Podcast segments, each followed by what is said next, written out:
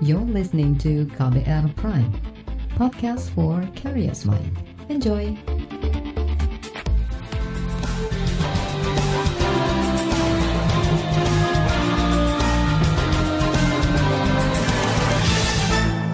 Halo saudara, senang sekali kami bisa menyapa Anda kembali dalam program KBR Sore edisi Selasa 8 Desember 2020. Saya Agus Lukman kembali menemani Anda selama kurang lebih 30 menit ke depan. Sore ini kita membahas peristiwa bentrokan antara polisi dan simpatisan Ormas FPI.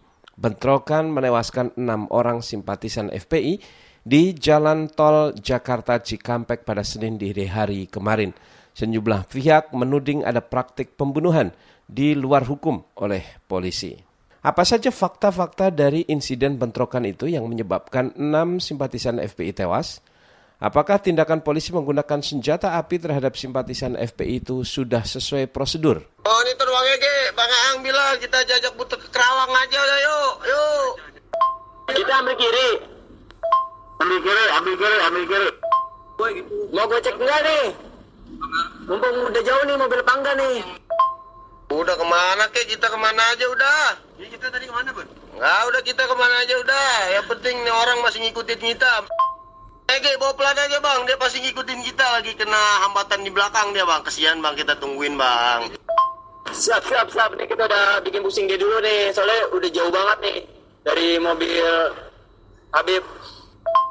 Bang Odon, aneh ambil lurus. Udah terus aja Bang Odon, yang penting target aman. Saudara, Senin dini hari kemarin, enam orang simpatisan Ormas FPI tewas tertembak setelah terlibat bentrok dengan petugas polisi di Jalan Tol Jakarta Cikampek. Bentrok terjadi ketika simpatisan Ormas FPI itu turut dalam pengawalan terhadap pimpinan FPI Rizik Sihab. Kasus ini pun memicu perhatian publik. Ormas FPI dan lembaga kepolisian saling mengklaim yang paling benar. Kepolisian mengklaim kasus itu bermula dari Laskar FPI yang menyerang aparat kepolisian.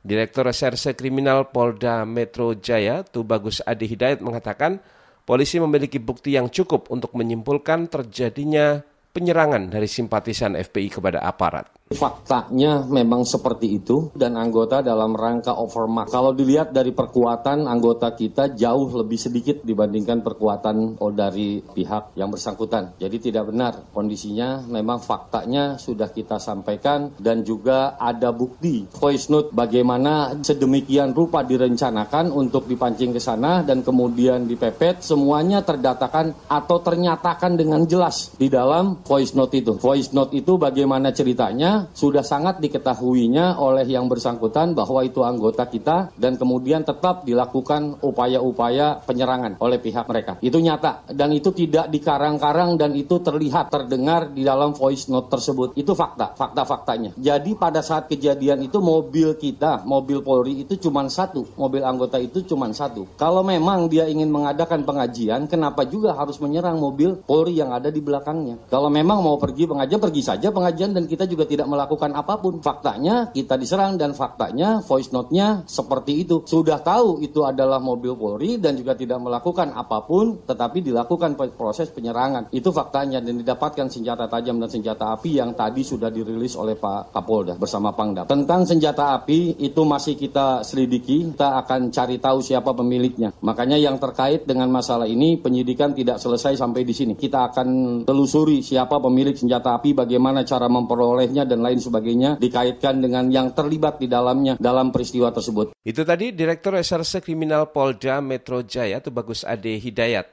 Polisi juga menegaskan insiden penyerangan itu bukan rekayasa. Polisi saat ini masih mengumpulkan berbagai barang bukti, termasuk rekaman kamera pengawas di sekitar jalan tol Cikampek kilometer 50. Sementara itu, kelompok Ormas FPI membantah tudingan polisi. Sekjen FPI Munarman juga membantah Laskar FPI memiliki senjata api dan melepaskan tembakan ke arah kepolisian. Berusaha memotong rombongan dan menyetop kendaraan. Nah, para pengawal tentu saja bereaksi untuk melindungi Imam Besar Habib Rizik Sihab. Itu reaksi normal karena memang mereka bertugas untuk mengawal. Yang patut diberitahukan kepada teman-teman pers semua bahwa fitnah besar kalau laskar kita disebut membawa senjata api dan tembak menembak. Laskar kami tidak pernah dibekali dengan senjata api. Kami terbiasa tangan kosong. Kami bukan pengecut dan ini fitnah kita luar biasa pemutarbalikan fakta dengan menyebutkan bahwa laskar yang lebih dahulu menyerang dan melakukan penembakan. Kalau betul itu itu coba dicek senjata apinya, nomor register senjata apinya, pelurunya itu semua tercatat. Cek saja, silakan dicek. Pasti bukan punya kami karena kami tidak punya akses terhadap senjata api dan tidak mungkin membeli dari pasar gelap. Jadi bohong sama sekali. Apalagi di FPI di kartu anggota FPI dan kartu anggota LPI disebutkan setiap anggota FPI dilarang membawa senjata tajam, senjata api, dan bahan peledak. Kemudian kejadiannya, kenapa kami menyatakan laskar kami dalam keadaan hilang? Karena memang kami belum tahu ke keberadaannya di mana. Itu membuktikan bahwa mereka dibunuh dan dibantai. Kalau sejak awal tembak menembak itu berarti dia tewasnya di tempat dong. Tewas di tempat pasti banyak. Semalam saya sendiri sampai jam 3 sudah ngecek dengan teman-teman yang di lapangan, tidak ada jenazah di situ, tidak ada keramaian di situ, yang ada justru petugas aparat setempat yang ada di lokasi yang diperkirakan di sekitar pintu tol Karawang Timur. Mobil laskar tidak ada, jenazah tidak ada. Kalau itu memang tembak menembak dan tewas di tempat, itu pasti ada jenazah di situ. Pasti membutuhkan proses lama untuk evakuasi di situ. Tetapi ini tidak ada. Dan bahkan sempat salah satu laskar mengirimkan voice note rintihan dari salah satu laskar kita yang ditembak. Itu artinya apa? Itu artinya laskar kami dibawa ke satu tempat dan dibantai di tempat itu. Setelah voice note terkirimkan, tidak ada lagi HP dari laskar enam orang itu yang aktif kita hubungi. Itu tadi Sekjen FPI Munarman. FPI juga menuntut agar polisi menyerahkan jenazah enam simpatisan FPI ke keluarga. FPI mengaku dipersulit saat hendak mengambil jenazah dari polisi. Sementara polisi mengklaim mereka masih melakukan serangkaian pemeriksaan terhadap enam jenazah simpatisan FPI yang menjadi korban bentrok di Jalan Tol Jakarta Cikampek tersebut.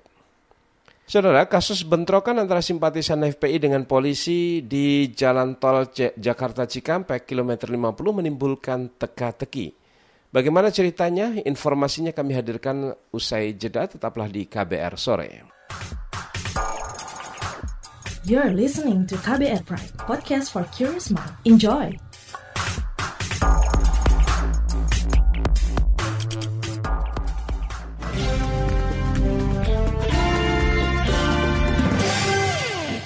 Saudara, bentrok berujung penembakan di Jalan Tol Jakarta Cikampek kilometer 50 masih menjadi teka-teki.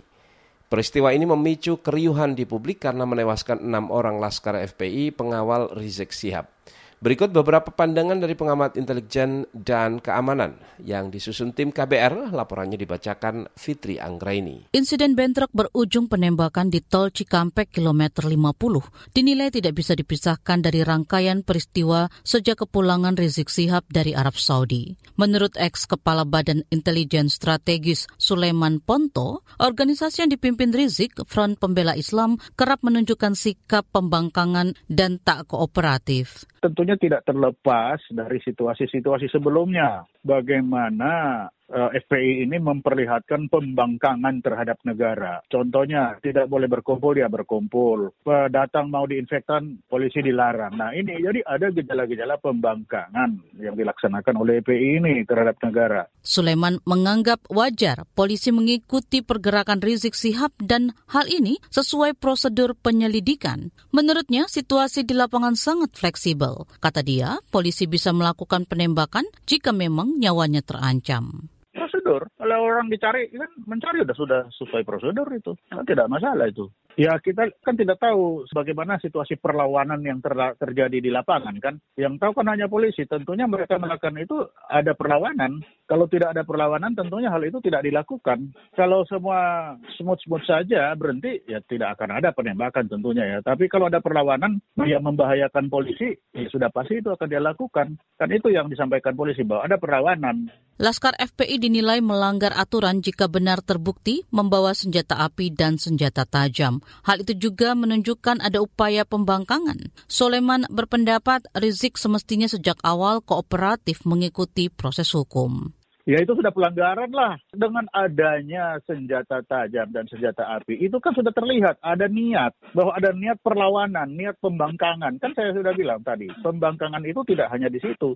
Sebelumnya itu kan sudah terlihat adanya pembangkangan-pembangkangan oleh FPI ini terhadap penegakan hukum oleh negara. Nah si polisi tentunya daripada saya mati, saya matikan duluan saja. Tindakan polisi menguntit rombongan Rizik Sihab dinilai sah oleh pengamat intelijen Stanislaus Rianta. Meski Rizik baru berstatus saksi dalam kasus dugaan pelanggaran protokol kesehatan. Menurutnya, polisi juga berhak menembak jika memang pengawal Rizik membahayakan petugas. Dan memang tugas-tugas untuk deteksi dini cegah dini ancaman itu dilakukan oleh petugas-petugas yang biasanya undercover, petugas-petugas yang tidak menggunakan seragam. Jadi itu sah saja. Ketika melakukan penyidikan, kemudian dia diserang, membahayakan menggunakan senjata, apalagi oleh orang yang tidak berwenang menggunakan senjata, jika asumsi itu benar, maka itu memang polisi berhak melakukan tindakan-tindakan yang untuk menyelamatkan, menyelamatkan petugas misalnya, itu berhak melakukan seperti itu. Apabila Laskar FPI pengawal Rizik terbukti benar membawa senjata api dan senjata tajam, maka bisa dihukum berat.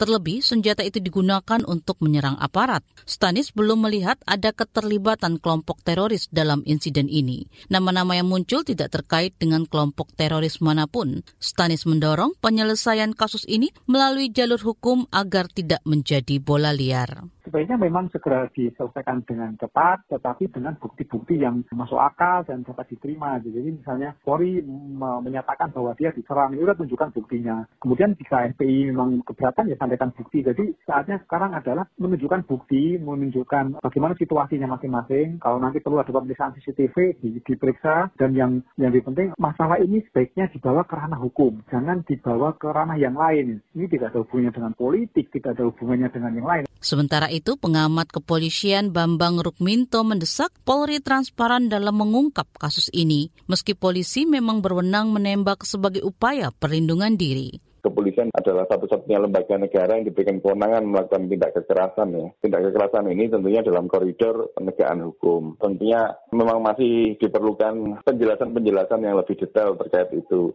Makanya juga harus dipertanyakan bagaimana kronologinya sebenarnya, kenapa kok polisi diserang gitu loh. Menurut Bambang, pengintaian yang dilakukan polisi bisa saja terkait dengan alasan mangkirnya Rizik dari dua kali panggilan. Itu sebab dia meminta Rizik kooperatif terhadap terhadap aparat. Di sisi lain, polisi juga harus membuka gamblang pengusutan kasus penembakan yang menewaskan enam anggota Laskar FPI. Penjelasan yang lebih detail terkait TKP, hasil forensik, itu yang harus segera dirilis oleh kepolisian. Sehingga masyarakat tidak berkembang asumsi-asumsi liar. Rizik Sihab harus mematuhi hukum dengan memenuhi panggilan kepolisian dan tidak melontarkan ujaran-ujaran lagi yang memprovokasi pengikutnya sehingga muncul insiden-insiden harus ada lembaga yang lebih independen, bisa Komnas HAM atau Kompolnas yang bisa menjembatani dan memberikan penjelasan terkait dengan insiden tersebut.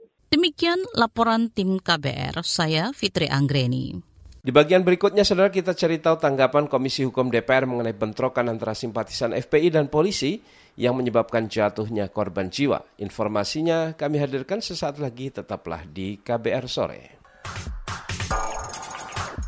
You're listening to KBR Pride, podcast for curious mind. Enjoy!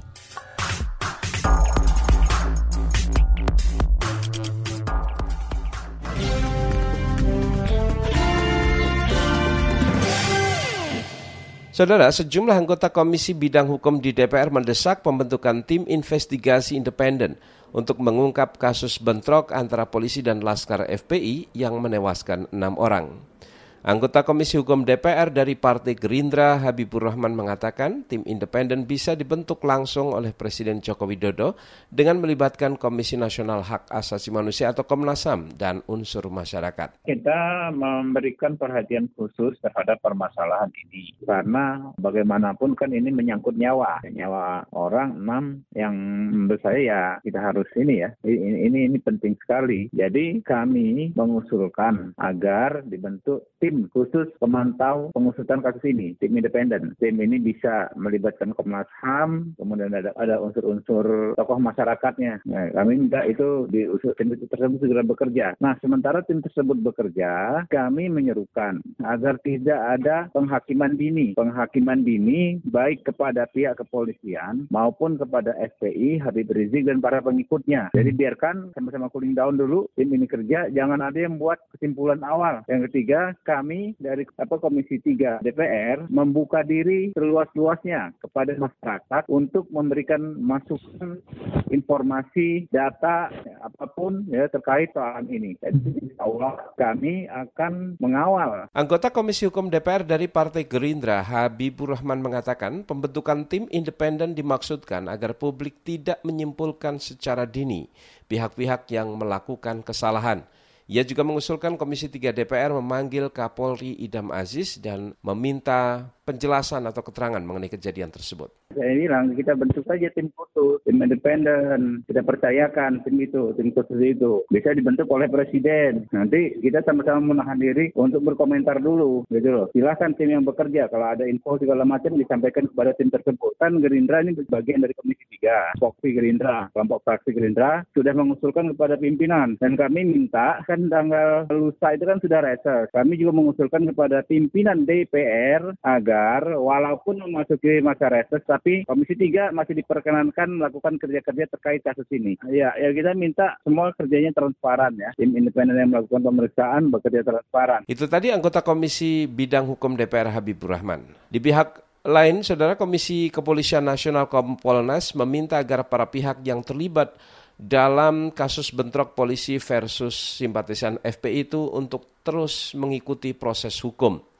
Ketua Harian Kompolnas Beni Mamoto mengatakan polisi butuh pendalaman terkait bukti-bukti dalam kasus bentrok yang menewaskan enam orang pengikut Rizik Sihab. Perlu kami sampaikan bahwa proses penanganan sedang berjalan. Tentunya dari bukti-bukti yang ada semua sedang didalami, semua sedang diteliti. Bercontoh adakah sidik jari di senjata dan sebagainya untuk dicocokkan. Kemudian juga kaitan dengan rekaman tentunya tidak semua diekspos. Nah ini proses sedang berjalan. Marilah kita ikuti sama-sama karena nanti hasil akhirnya ya kesimpulannya tentunya juga akan disampaikan ke publik ataupun sebagai bahan untuk pembuktian di pengadilan. Negara kita negara hukum, jadi bagaimana proses hukum sedang berjalan, marilah kita ikuti. Nah kemudian dalam kaitan bagaimana kejadian di lapangan, itu akan didukung nanti dari bukti-bukti apakah rekaman suara mau cara lengkap ya, tidak potong maupun video. Ketua Komisi Kepolisian Nasional Beni Mamoto menambahkan, pada dasarnya aturan polisi melepaskan tembakan harus sesuai dengan standar operasional prosedur atau SOP. Jika seorang polisi terpaksa melepaskan tembakan, maka semestinya tidak boleh menewaskan seseorang. Yang pertama, sesuai SOP tentu kan dengan tembakan peringatan. Kemudian semaksimal mungkin dihindari untuk meninggal dunia. Tetapi kita semua tahu kondisi di lapangan, suasana gelap, kemudian ketika terjadi serangan yang membabi buta, maka semua hal bisa terjadi. Jadi nanti kami tentunya akan terus berkoordinasi, termasuk tentunya ketika terjadi silang pendapat apa yang disampaikan press release oleh FPI, ini bisa dilakukan dengan cara melakukan rekonstruksi. Kemudian kedua, sidik jari di senjata maupun di senjata tajam. Itu tadi Ketua Harian Komisi Kepolisian Nasional Beni Mamoto. Sementara itu, Saudara Komisi Nasional Hak Asasi Manusia Komnas HAM berencana membentuk tim investigasi mengenai bentrokan antara anggota FPI dan polisi. Informasinya kami hadirkan sesaat lagi, tetaplah di KBR Sore. You're listening to KBR Pride, podcast for curious mind. Enjoy!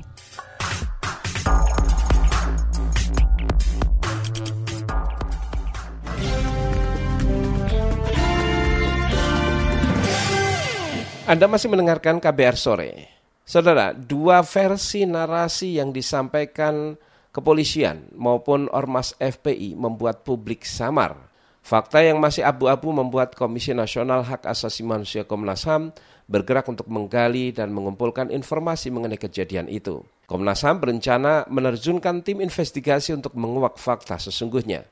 Berikut perbincangan jurnalis KBR Reski Novianto bersama dengan anggota Komnas HAM BK Ulung Hapsara. Komnas HAM rencananya eh, akan membentuk tim investigasi terkait peristiwa kematian enam laskar FPI, Mas. Sebenarnya bagaimana sih ya. mas alurnya ini, Mas? Ya, satu tim itu sudah terbentuk. Itu tim itu sudah terbentuk eh, dari bagian pemantauan dan penyelidikan Komnas, dipimpin oleh Komisioner Muhammad Khairul Anam. Itu yang pertama. Yang kedua, alurnya, jadi memang kita melihat tentu saja bukan hanya pengaduan yang masuk ke Komnas, tapi juga melihat konteks peristiwa yang terjadi begitu. Hmm. Apakah ini memang peristiwanya mendapat perhatian publik yang besar, terus kemudian ancaman terhadap penegakan perlindungan penghormatan HAM atau tidak dan kemudian melihat juga bagaimana potensi ke depannya begitu. Itu adalah beberapa hal yang jadi pertimbangan gitu. Selain uh, soal aduan. Ini juga sama sebenarnya dengan respon Komnas HAM terhadap peristiwa yang lain begitu. Hmm. Misalnya kayak yang Sigi kemarin itu eh, itu juga sama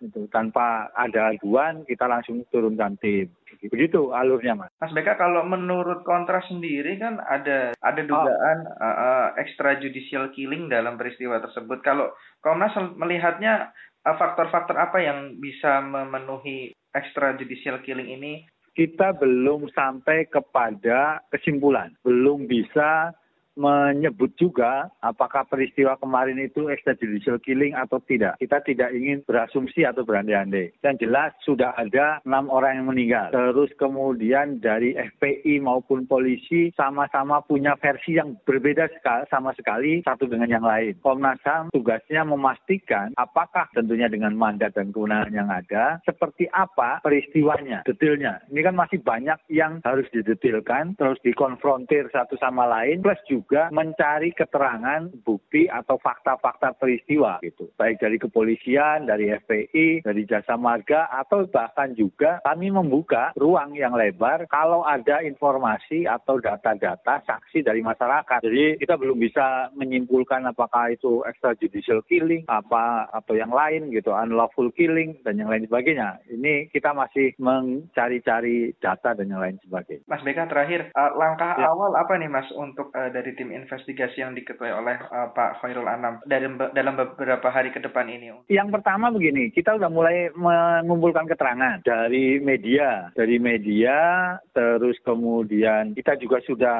ketemu dengan FPI itu meminta keterangan dari uh, kawan-kawan FPI gitu seperti apa kronologinya dan yang lain sebagainya. Nanti kita juga akan meminta olah TKP begitu, TKP persisnya di mana itu, terus kemudian yang lain lah ya detail begitu, terus juga meminta keterangan kepada kepolisian. Itu yang akan dilakukan, termasuk juga nanti minta ke jasa marga dan yang lain sebagainya. Itu tadi anggota Komisi Nasional Hak Asasi Manusia BK Ulung Hapsara. Hari ini kepolisian mengeluarkan telegram untuk meningkatkan keamanan pasca insiden bentrok antara polisi dengan Laskar FPI di Jalan Tol Jakarta Cikampek Senin dini hari lalu. Dalam perintahnya, Kapolri Idam Aziz meminta aparat meningkatkan pengamanan di markas-markas komando, pos polisi, asrama hingga rumah sakit Polri. Kepolisian juga menyiapkan pasukan anti-anarki BRIMOB di wilayah-wilayah yang dekat dengan kantong-kantong pendukung FPI. Perbincangan dan informasi tadi saudara mengakhiri jumpa kita di program KBR Sore edisi hari ini Selasa 8 Desember 2020. Pantau selalu informasi terbaru melalui situs kbr.id, Twitter kami di akun @beritaKBR serta podcast di alamat kbrprime.id. Jangan lupa untuk terus menerapkan protokol kesehatan dengan 3M, memakai masker, menjaga jarak, dan mencuci tangan secara rutin dengan sabun. Saya Agus Lukman bersama tim yang bertugas undur diri. Sampai jumpa.